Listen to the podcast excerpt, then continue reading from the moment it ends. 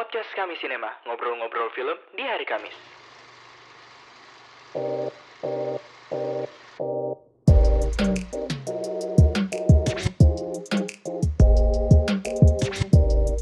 check check it check it check it out Selamat pagi, selamat siang, selamat sore, dan selamat malam semua. Kembali lagi di podcast kita, podcast kami, podcast kami Sinema. Dan kali ini di episode 13 masih dengan euforia kemerdekaan. Karena kalau kamu dengerinnya pas di premier di tanggal 19 Agustus 2021 berarti sekitar dua hari pasca kemerdekaan Indonesia. Maka masih dengan euforia yang sama kemerdekaan kita akan memberikan rekomendasi film untuk kamu di mana lagi kalau bukan di program Udah Nonton Ini. Alright, seperti yang aku katakan sebelumnya, kita masih dengan euforia kemerdekaan ya teman-teman. Dan belum terlambat untuk mengatakan selamat hari kemerdekaan untuk Indonesia di tanggal 17 Agustus 2021. Wow, udah panjang perjalanan Indonesia semenjak di tahun 4 1945 mengawali kemerdekaan dengan perjuangan. Namun apakah di tahun sekarang 2021 dengan situasi yang sangat memaksa kita untuk apa ya istilahnya mengakang kita apakah kemerdekaan itu masih akan ada nah kali ini di udah nonton ini kita rangkum 6 rekomendasi film dengan tema freedom is never given it is won jadi kemerdekaan itu tidak pernah diberikan tapi diperjuangkan dan dimenangkan. Sudah ada enam film yang kita siapkan untuk teman-teman dan tentunya di enam film itu saya akan ditemani dengan tiga orang teman saya untuk menyampaikan seberapa menarik dan seberapa rekomendasi dan seberapa wajib teman-teman untuk bisa nonton film-film ini. Sebelumnya aku present dulu nih tiga teman aku ada Indigo, ada Suci dan ada Awan. Halo. Halo teman-teman. Halo semuanya. Alright, tiga orang ini udah siap dengan rekomendasi film mereka dan kita langsung aja ke rekomendasi film pertama yang akan dibawakan oleh Indigo. Dipersilahkan. Oke, thank you eh, atas waktunya. Semangat juga nih gue merayakan kemerdekaan dengan memberikan rekomendasi film buat teman-teman. Jadi pertama gue pengen memberikan satu rekomendasi film yang cukup baru, yang cukup eh, baru-baru ini keluar. eh, judulnya The East atau da- dalam bahasa Belandanya The Us. Jadi eh, secara secara singkat film ini menceritakan tentang eh, apa namanya agresi militer Belanda dan upaya Belanda memenangkan Indonesia setelah pasca kemerdekaan 17 Agustus 1945. Jadi dalam konteks sejarah kan kita kan belajar bahwa setelah Indonesia memproklamasikan kemerdekaannya dari Jepang, bi- tem- eh, orang-orang Belanda ini mencoba merebut kembali eh, daerah Indonesia dari eh, masyarakat-masyarakat pribumi Indonesia gitu. Nah, ini film ini menceritakan tentang itu tentang seorang prajurit, seorang prajurit ini bernama aduh aku lupa namanya. Intinya seorang prajurit dia dia seorang prajurit Belanda gitu. Dia eh, memiliki keturunan ayahnya tuh seorang Nazi dan dia datang ke ya, Indonesia sebagai tentara untuk me- apa namanya? untuk ya berpartisipasi dalam memenangkan Indonesia dan merebut kembali Indonesia ke ke genggaman tangan Belanda gitu. Intinya seperti itu. Namanya sorry. eh namanya Johan de Vries intinya gitu. Nah, di dalam cerita ini tuh diceri- eh, da- di dalam film ini tuh diceritakan eh, ada ada siapa apa namanya? eh ada karakter-karakter kanon, karakter-karakter kanon sejarah Indonesia kayak misalkan Westerling. Westerling tuh ada di film ini diceritakan sebagai orang eh, orang yang menganggap dirinya sebagai ratu adil dan eh, tentara-tentara kenil yang diisi dengan orang-orang Maluku itu diceritakan juga di sini. Nah, eh, kenapa kalian harus nonton ini? Jadi film ini tuh merupakan film produksi uh, or- orang Belanda yang menceritakan tentang penjajahan dari perspektif lain. Biasanya kan kita disuapin dengan dengan narasi-narasi bahwa wah ini film uh, uh, Belanda uh, jahat banget, Belanda itu kolonialis dan Indonesia keren banget bisa mengusir Belanda yang secara tek secara apa teknologi itu maju, advance gitu-gitu dan lain-lain. Uh, di ini diceritakan di sisi sebelahnya bagaimana prajurit Belanda mengalami ke kebimbangan kemanusiaan gitu ketika mereka harus menjajah kembali Indonesia, harus merebut kembali Indonesia dan harus menumpahkan darah orang-orang Indonesia. Ini disutradari oleh Jim Tai Hutu dia merupakan eh, salah satu member eh, dari grup DJ Yellow Claw dan di- eh, dia tuh merupakan keturunan Indonesia gitu loh. Jadi sepertinya memang ada bias-bias orang Belanda yang diletakkan di film ini. Kemudian abis itu eh, film ini di, seperti tadi gue bilang memberikan perspektif baru gitu. Jadi kita bisa melihat sejarah eh, kolonialisme dan sejarah pen- sejarah pem- penjajahan Indonesia tuh dari sisi yang berbeda gitu. Jadi kita tidak melihat hanya dari sisi eh, Indonesianya, hanya dari sisi Soekarno yang hebatnya dengan gentarnya, Soeharto yang merebut kembali Yogyakarta dan lain-lainnya. Kita juga bisa melihat eh, bagaimana perspektif prajurit Belanda yang eh, yang mencoba kembali merebut daerah Indonesia dari genggaman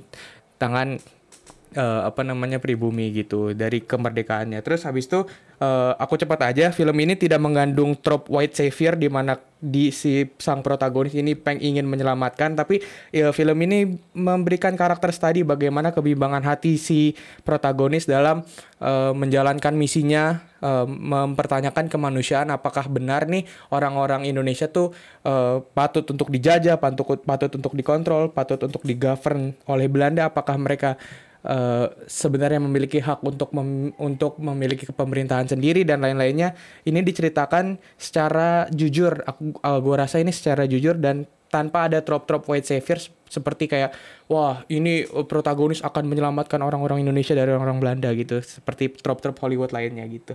Jadi semi historical akurat sah. Menurut gue ini merupakan tontonan yang baik ditonton dalam memperingati eh, hari kemerdekaan kita di 17 Agustus dan memperingati bahwa sebenarnya sejarah perjuangan Indonesia tuh nggak berakhir di 17 Agustus 1945 tapi nanti ada sejarah kemudian kemudian kemudiannya yang lebih berat gitu dalam mempertahankan kemerdekaan.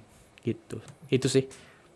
Ya, bener banget. Dan juga eh, secara opini mungkin pendapat opini pribadi aku juga untuk teman-teman eh, saat kita menyikapi sebuah kemerdekaan entah itu baik di negara Indonesia ataupun negara lainnya dan kalau kita berkaca kembali di film-film yang temanya apa ya post apocalyptic war mungkin ya dan tema-tema yang mengambil setting waktu saat perang dunia pertama maupun kedua eh, sangat mungkin ini adalah momen yang tepat saat di mana para filmmaker mulai mengambil sebuah perspektif dan juga sudut pandang yang berbeda. Kita bisa berkaca di beberapa film Hollywood seperti Jojo Rabbit dan juga The Five Bloods yang mengambil sebuah sudut pandang yang berbeda yang set, dengan menggunakan setting waktu eh, di dunia perang baik itu perang dunia pertama ataupun kedua. Dan The East atau The Oost itu menjadi salah satu dari rentetan film-film yang mengambil perspektif yang berbeda. Jadi ini menjadi sebuah alasan utama dan menjadi daya tarik utama untuk teman-teman terlebih mengambil setting waktu dan juga setting tempat eh, mengenai kemerdekaan di Indonesia, apalagi pasca kemerdekaan Indonesia. Jadi teman-teman benar-benar bisa tercerahkan dan juga seperti yang dikatakan Indigo bisa memberikan perspektif baru untuk teman-teman dari sudut pandang seorang eh, prajurit Belanda yang eh, pada dasarnya hanya mengikuti perintah yang diberikan gitu.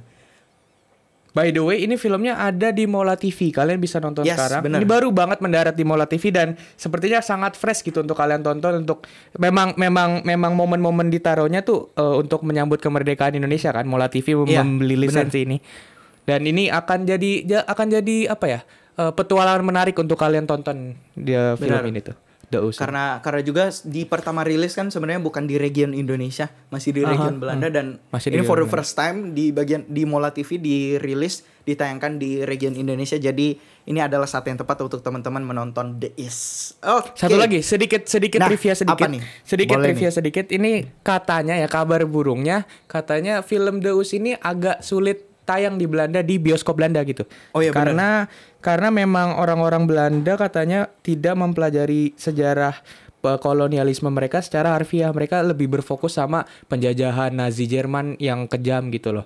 Ya, Iya, jadi eh, mereka tuh kadang melupakan bahwa mereka tuh punya sejarah kolonialisme yang pahit juga yang mereka lakukan ke tempat lain. Nah, ini sedikit trivia aja gitu. Eh, bahwa memang film-film seperti ini sama sih seperti film Indonesia yang ketika ingin me- me- menceritakan tentang ke ke ke apa namanya kefaktapan pemerintah dalam menangani PKI gitu. Jadi memang ada sebuah hal tabu yang yang dirasakan oleh orang-orang Belanda dalam menanggapi film ini. Gitu sih sedikit trivia. Betul. Oke. Sedikit trivia dan juga untuk teman-teman menjadi sebuah wawasan yang sangat banyak untuk teman-teman tentunya. Oke, for the next movie akan dibawakan oleh Suci. Oke, jadi kalau tadi ada rekomendasi film dari Indigo tuh kan film-film baru ya. Ini aku bakal rekomendasiin film yang tayangnya tuh udah lama banget. Dari tahun 2014, sutradaranya Rako Prianto. Judulnya adalah Tiga Nafas Likas. Jadi singkatnya tuh film ini bercerita tentang seorang perempuan karo. Kisah ini tuh diambil dari kisah nyata dengan tokoh yang nyata juga yaitu Ibu Likas Tarigan. Dia tuh seorang perempuan yang berusaha untuk memperjuangkan hak-hak perempuan di Karo. Nah, kenapa sih kalian harus nonton film ini? Karena film ini tuh menurut aku salah satu film Indonesia yang bagus tapi kayak kurang banyak orang yang tahu gitu. Mungkin kayak pas tayang tahun 2014 tuh kayak hype-nya ketutup sama film-film lain kayak Mary Riana sama The Raid dan lain-lain gitu.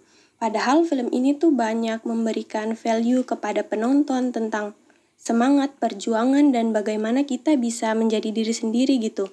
Apalagi ini tuh dari kisah nyata, jadi sembari kita merayakan kemerdekaan Indonesia, kita tuh bisa mencontoh semangat dan daya juangan yang ada di yang ada di film ini gitu. Nah terus bukan cuman perjuangan Likas Tarigan aja yang diceritakan, Likas Tarigan juga berjuang bersama suaminya yaitu Jamin Ginting yang pada tahun 2014 tuh dia dinobatkan sebagai pahlawan nasional oleh Presiden Jokowi. Cuman sayangnya tuh film ini belum ada di platform online jadi aku merasa beruntung banget bisa menyaksikan film ini. Waktu itu aku nontonnya tahun tahun berapa ya? Itu juga ditayangin di TV jadi aku nonton dan merasa bersyukur karena saking inspirednya film ini jadi film ini menjadi salah satu film yang akhirnya bikin aku pengen sekolah film gitu. Jadi aku bisa kayak anak SMP gitu belum ngerti apa-apa. Jadi kayak oh kalau misalnya aku pengen nyampein sesuatu tuh ternyata bisa lewat film gitu. Dan seperti judulnya ya tiga nafas likas premis utamanya tuh kayak likas berjuang hidup untuk memegang tiga janjinya. Nah tiga janjinya apa? Ya aku nggak bisa ngomongin nanti spoiler ya. Jadi gitu deh. Yes, dan juga mungkin teman-teman kalau melihat dari latar belakang penceritaan dari Likas ini dalam film Tiga Nafas Likas, teman-teman mungkin langsung notice satu tokoh yang memang di dalam uh, sejarah perjuangan Indonesia, tokoh perempuan ini menjadi sebuah tokoh apa ya bisa dikatakan acuan dari kaum wanita di Indonesia yaitu Era Kartini. Dan juga masih banyak yang lain ya Cut Nyadin dan Iya. masih banyak lain.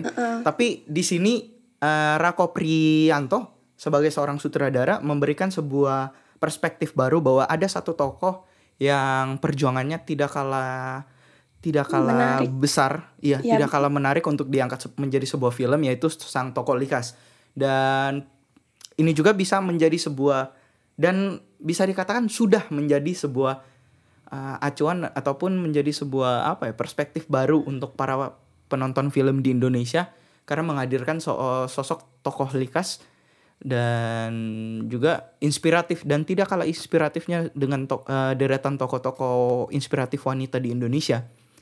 Dan Iya, juga itu seperti dikatakan Suci juga sayang banget film ini belum ada di media streaming online tapi semoga film ini bisa tayang ya. Karena kayaknya mungkin ada beberapa platform yang mungkin akan mempersiapkan diri untuk menayangkan film ini karena ini film itu dia tadi bahkan seorang Suci pun eh, bisa ada apa ya bisa diberikan motivasi lewat film ini untuk masuk ke dunia perfilman gitu untuk sekolah film dan tentunya kalau teman-teman nonton film ini tidak kalah samanya juga tidak kalah besarnya juga impact yang diberikan lewat film Tiga Nafas Likas ini oke Iya, setuju. Sip. Thank you for the recommendation dari rekomendasi seorang perempuan yang memperjuangkan hak hidupnya untuk berkembang, untuk bertahan hidup. Kita berpindah ke film yang saat aku eh, diberikan rekomendasi film ini aku eh, notice sesuatu nih. Ada ada hal penting di balik ini yang akan dibawakan oleh Awan. Dipersilakan. Ya, rekomendasi dari aku ini merupakan film dokumenter yang judulnya adalah Senyap atau yang punya judul dalam bahasa asing dalam bahasa Inggris ya ini The Look of Silence. Gak lupa nih aku ngucapin selamat hari merdeka untuk Indonesia dan untuk kita semua tentunya. Jadi em, film ini tuh bercerita tentang merdekanya seseorang dan sebuah kelompok gitu. Film ini mulai rilis tahun 2014 2014 digarap oleh seorang sutradara berkebangsaan Amerika yakni Joshua Lincoln Oppenheimer. Kita tahu bahwa film itu bisa dijadikan sebagai penambah pengetahuan sejarah, tapi sejarah yang mana gitu loh. Dan di sini eh, yang biasanya diceritakan yang biasanya diceritakan melalui, film adalah sejarah yang belum sempat eh, dipelajari. Seperti yang tadi Indigo sudah bilang bahwa film eh, bahwa sep- seperti yang sudah seperti yang sudah dibilang Indigo tadi, eh, film ini juga sama gitu loh. Film Senyap ini sama eh, memberikan sudut pandang lain tentang sejarah Indonesia. Em, sejarah di sini adalah dibalik peristiwa G30 SPKI. Mengingat tontonan yang diputar secara massal untuk mengenang tragedi eh, G30 SPKI ini, G30 SPKI ini biasanya eh, hanya berdasar satu sudut pandang aja gitu loh. Jadi em, film ini itu mengangkat kesenyapan dan trauma yang dirasakan oleh korban genosida pada kejadian G30 SPKI gitu. Em, Joshua ini menghadirkan Adi Rukun yang menjadi narasumber utama di film ini. Adi Rukun sendiri merupakan seorang laki-laki yang mencari pembunuh kakak kandungnya em, yang menjadi korban pembantaian massal tahun 1965 yang diklaim eh, terkait gerakan 30 September tersebut gitu. Em, Adi Rukun menemui se- menemui setiap pelaku pembunuh kakaknya entah itu langsung ke pelaku atau kerabat dan keluarganya.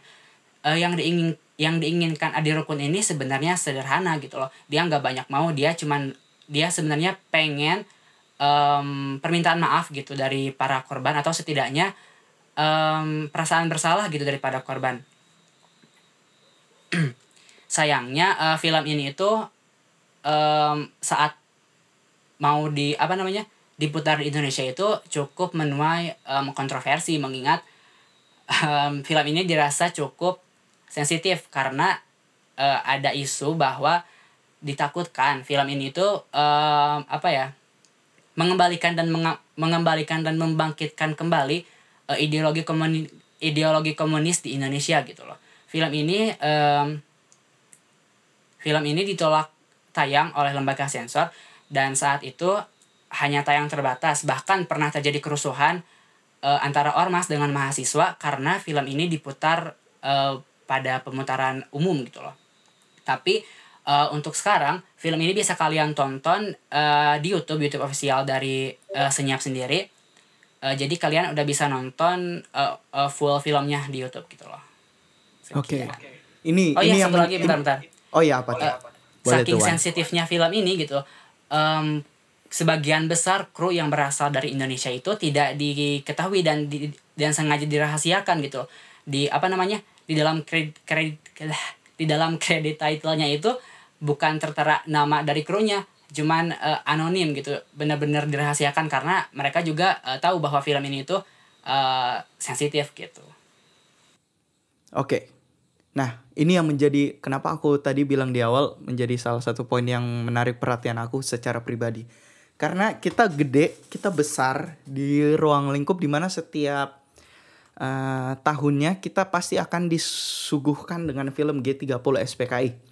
Di mana eh, tentu saja film itu menggambarkan bagaimana kekejian kaum komunis di kala itu PKI eh, mengeksekusi para petinggi-petinggi pejuang yang ada di Indonesia dan itu disajikan dengan sudut pandang pemerintah tentunya.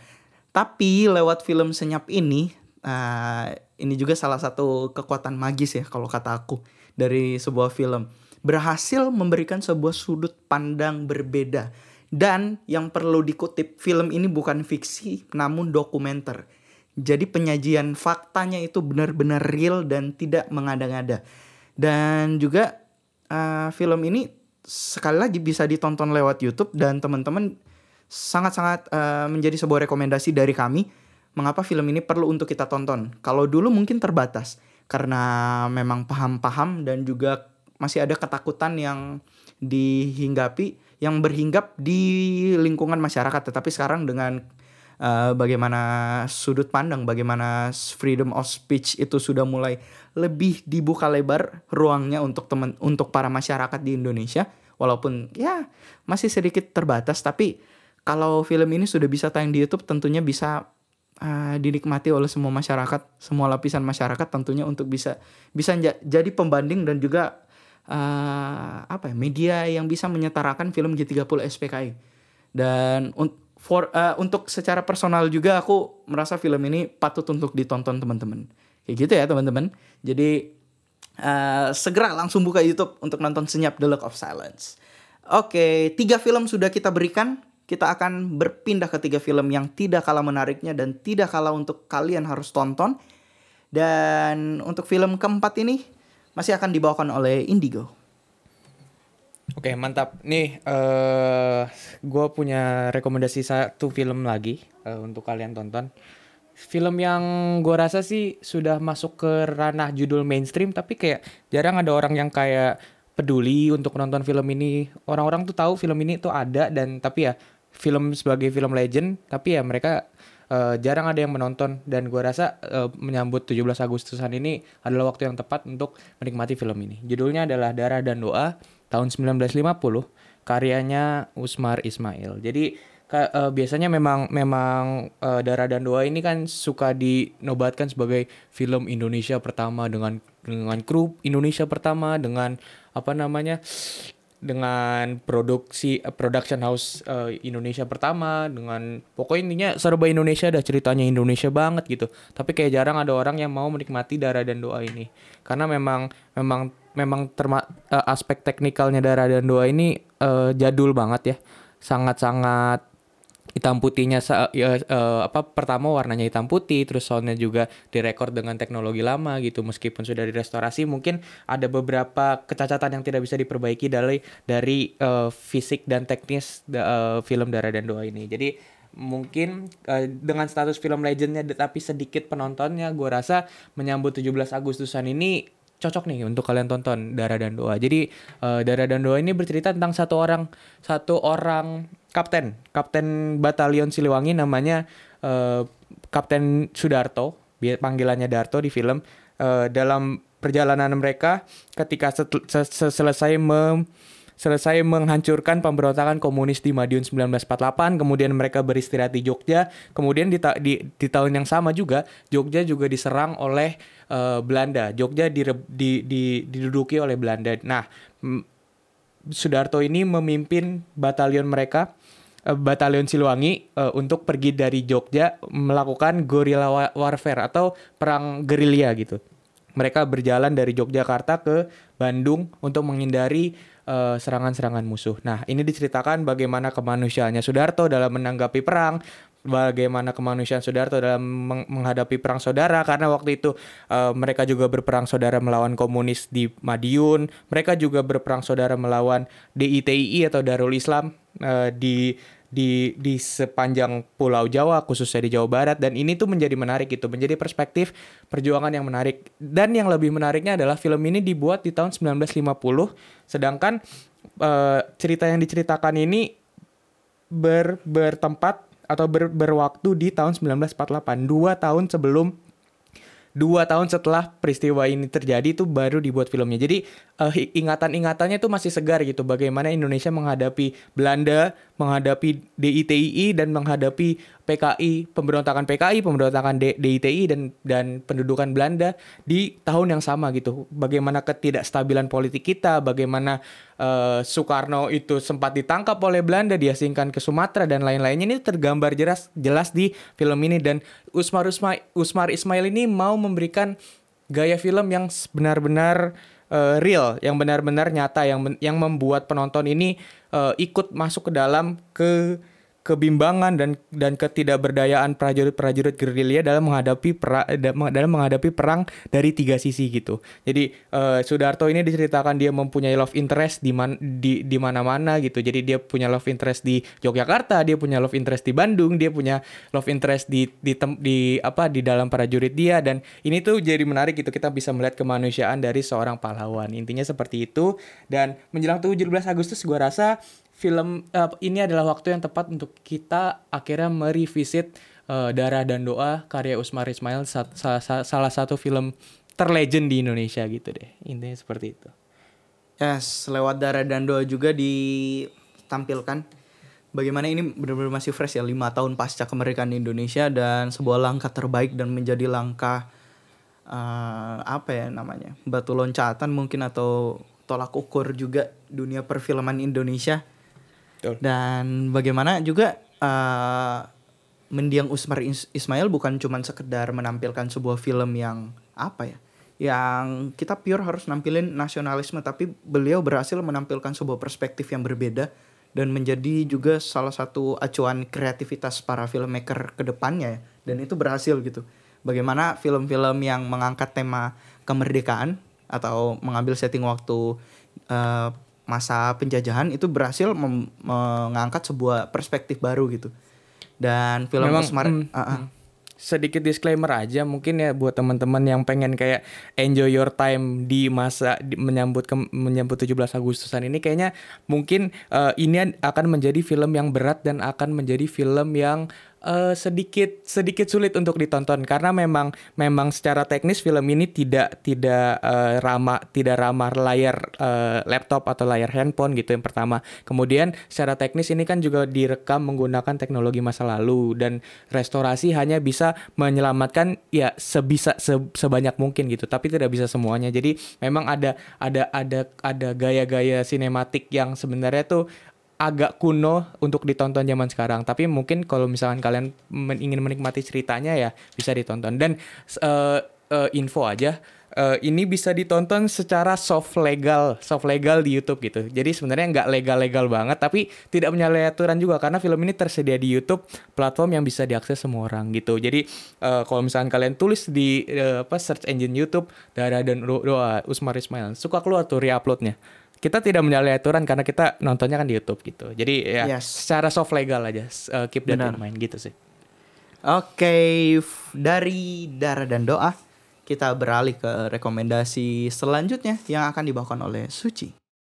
Oke, rekomendasi aku selanjutnya ada film dengan judul Guru Bangsa Cokro Aminoto. Ini sutradaranya Garin Nugroho.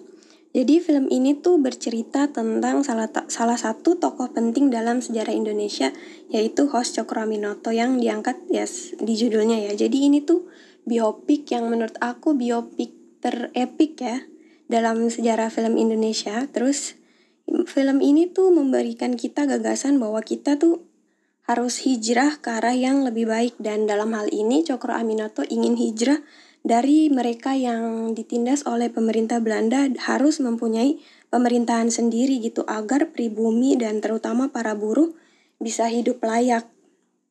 Nah, Cokro Aminoto ini juga merupakan guru dari tokoh-tokoh besar yang berpengaruh dan menjadi tokoh-tokoh dalam ini yang memperjuangkan kemerdekaan Indonesia.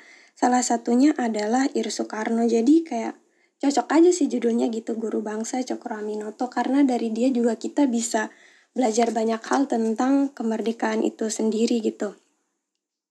Nah, karena ini filmnya disutradari oleh Garin jadi kayak di awal-awal tuh ada musik-musik yang khas Garin terus visualnya juga menurut aku sangat menyenangkan jadi cocok untuk ditonton sama anak-anak generasi kita yang sekarang untuk mereka yang pengen belajar sejarah tapi kayak bosan baca buku gitu bisa don- bisa menggunakan cara dengan menonton film karena visualnya bagus terus film ini juga memborong Piala Citra FFI tahun 2015 dengan kategori sinematografi terbaik, artistik dan penata busana ya. Jadi kayak udah jaminan lah. Filmnya estetik gitu ya kalau bahasa anak-anak sekarang. Jadi bisa dibilang ya ini film yang epic karena ya udah terbukti dan ada jaminan kalau visualnya tuh bagus dengan ya FFI tadi. Jadi kayak benar-benar harus ditonton untuk merayakan 76 kemerdekaan kita ini. Ya, yes, betul. Berkat kelihayan tangan Sanggari Nugroho juga uh, para penonton bisa menikmati sebuah sajian atau suguhan sejarah yang tentunya berkat film ini uh, di mana film ini juga menjadi satu dari sekian banyak film yang mengangkat tema sejarah yang patut untuk ditonton dan juga tidak perlu takut untuk para teman-teman, para penonton di Indonesia yang mungkin uh, terlalu merasa bosan dengan sejarah dengan penampilan dokumenter ataupun lewat dari uh, karya literatur buku-buku sejarah. Dan film ini juga dari segi penceritaan sejarah akurat dan juga disajikan dengan baik dan juga menyenangkan untuk di Iya, menjadi sebuah bahan pelajaran. Dan ini biasanya kan film Garin tuh kayak masuk kategori film-film yang berat lah gitu jadi nggak usah takut untuk nonton film ini karena kalian mata kalian bakal dimanjakan kok dan nggak berat-berat banget gitu Yes, benar sekali. Dan teman-teman bisa langsung menikmati film Guru Bangsa Cokro Aminoto di eh, platform atau OTT favorit kamu di Netflix dan juga Disney Plus Hotstar. Dan eh, at last, last but not least di rekomendasi film terakhir kita yang akan dibawakan oleh Awan. Film terakhir hari ini em, berjudul Gi Gie gitu ya, tapi biasanya Gi. Eh, film ini sama seperti yang Suci rekomendasikan eh, sebelumnya merupakan film biopik gitu. Sesuai dengan judulnya, film ini merupakan eh, biopik dari Soo Gi dan disutradarai oleh Riri Riza eh, dirilis tahun dirilis tahun 2005. Eh, film film ini tuh memiliki banyak sekali prestasi dan penghargaan. Salah satunya adalah eh, dengan meraih Piala Citra sebagai film terbaik pada saat itu. Sebenarnya film Gi ini merupakan eh, adaptasi dari catatan harian uh, Suhoki sendiri gitu. Eh, memiliki latar tahun dan peristiwa yang sama dengan film dokumenter senyap dan film-film yang Indigo tadi sempat eh, rekomendasikan. Film ini sedikitnya dapat menjadi sebagai media sejarah gitu bagi kita, bagi para pemuda di Indonesia. Dan lagi-lagi, isu di film ini itu terkait PKI atau Partai Komunis Indonesia. Film ini juga uh, memberikan informasi bahwa perjuangan rakyat Indonesia itu tidak hanya sampai 1945 saja gitu loh. Jadi film uh, ini tuh menceritakan tentang Sohokgi yang merupakan seorang aktivis mahasiswa yang lahir di keluarga keturunan Tionghoa. Um, dia itu menjalani kehidupan uh, sederhana di Jakarta. Uh, Gi ini dikenal sebagai sosok yang uh, sangat menjunjung tinggi kejujuran gitu. Uh, dia juga merupakan uh, seorang siswa yang cerdas uh, dan memiliki keter dan memiliki ketertarikan terhadap konsep-konsep idealis. Diketahui juga bahwa uh, Suhokgi atau Gi ini uh, berkuliah di Universitas Indonesia dengan jurusan um, sastra sejarah kalau tidak salah. Um, di tengah kesemerautan politik Indonesia pada saat itu, uh, sifat yang dimiliki uh, Suhokgi ini mendorong beliau untuk me- untuk berjuang melawan rezim yang berkuasa pada saat itu. Uh, saat itu tuh berarti pada um, masa Presiden Soekarno ya ia menggaungkan komentarnya dengan menulis artikel yang berisikan kritikan terhadap pemerintah. Eh, namun seperti yang sudah kita duga gitu, setelah setelah setelah beliau memberikan kritik terhadap pemerintah, sepertinya ada beberapa pihak yang merasa dirugikan dengan eh, ketikan-ketikannya tersebut hingga akhirnya eh, Suhogi ini mendapatkan teror gitu loh. Em, kita tahu bahwa pemerintah pada saat itu em, apa ya istilahnya em, bisa dibilang membedakan gitu membedakan etnis Tionghoa pada saat itu eh, bahkan mengharuskan para keturunan Tionghoa ini eh, mengganti namanya agar lebih menjadi lebih agar menjadi lebih Indonesia. Dan Sohoki ini menjadi menjadi salah satu tokoh yang eh, menolak peraturan tersebut. Ia membiarkan namanya tetap eh, Sohoki gitu.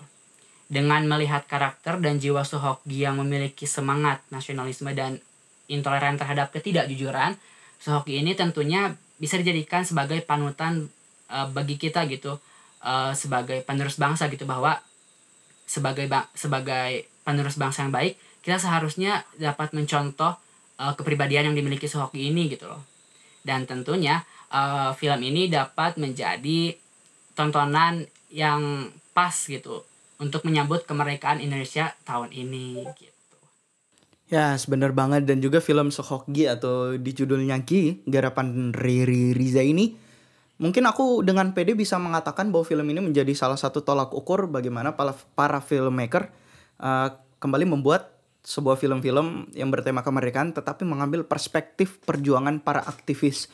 Karena bisa terbukti setelah film Gi ini lahirlah uh, film di balik 98 bahkan film yang akan segera rilis atau mungkin setelah rilisnya podcast ini film ini sudah rilis di bioskop online yaitu film Aum itu uh, ketiga film ini uh, bisa menggambarkan ataupun uh, mempunyai kesamaan yaitu menggambarkan perjuangan para aktivis di mana seperti kata Awan tadi perjuangan Indonesia tidak berhenti sampai di tahun 1945 tetapi bahkan sampai detik ini para masyarakat tetap memperjuangkan hak dan juga kemerdekaan itu sendiri.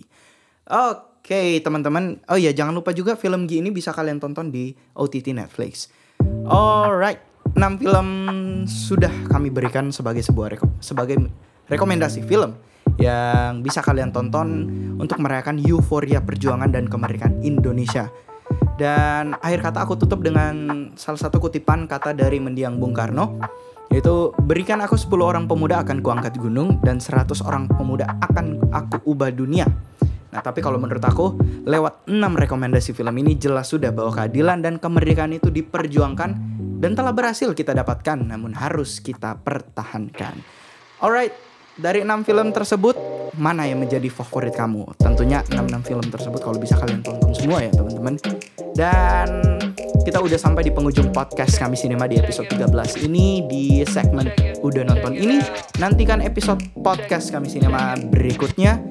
Akhir kata saya Beni Susanto pamit. Selamat pagi, selamat siang, selamat sore, dan selamat malam semuanya. Bye bye. Thank you semuanya. Bye bye. Terima kasih.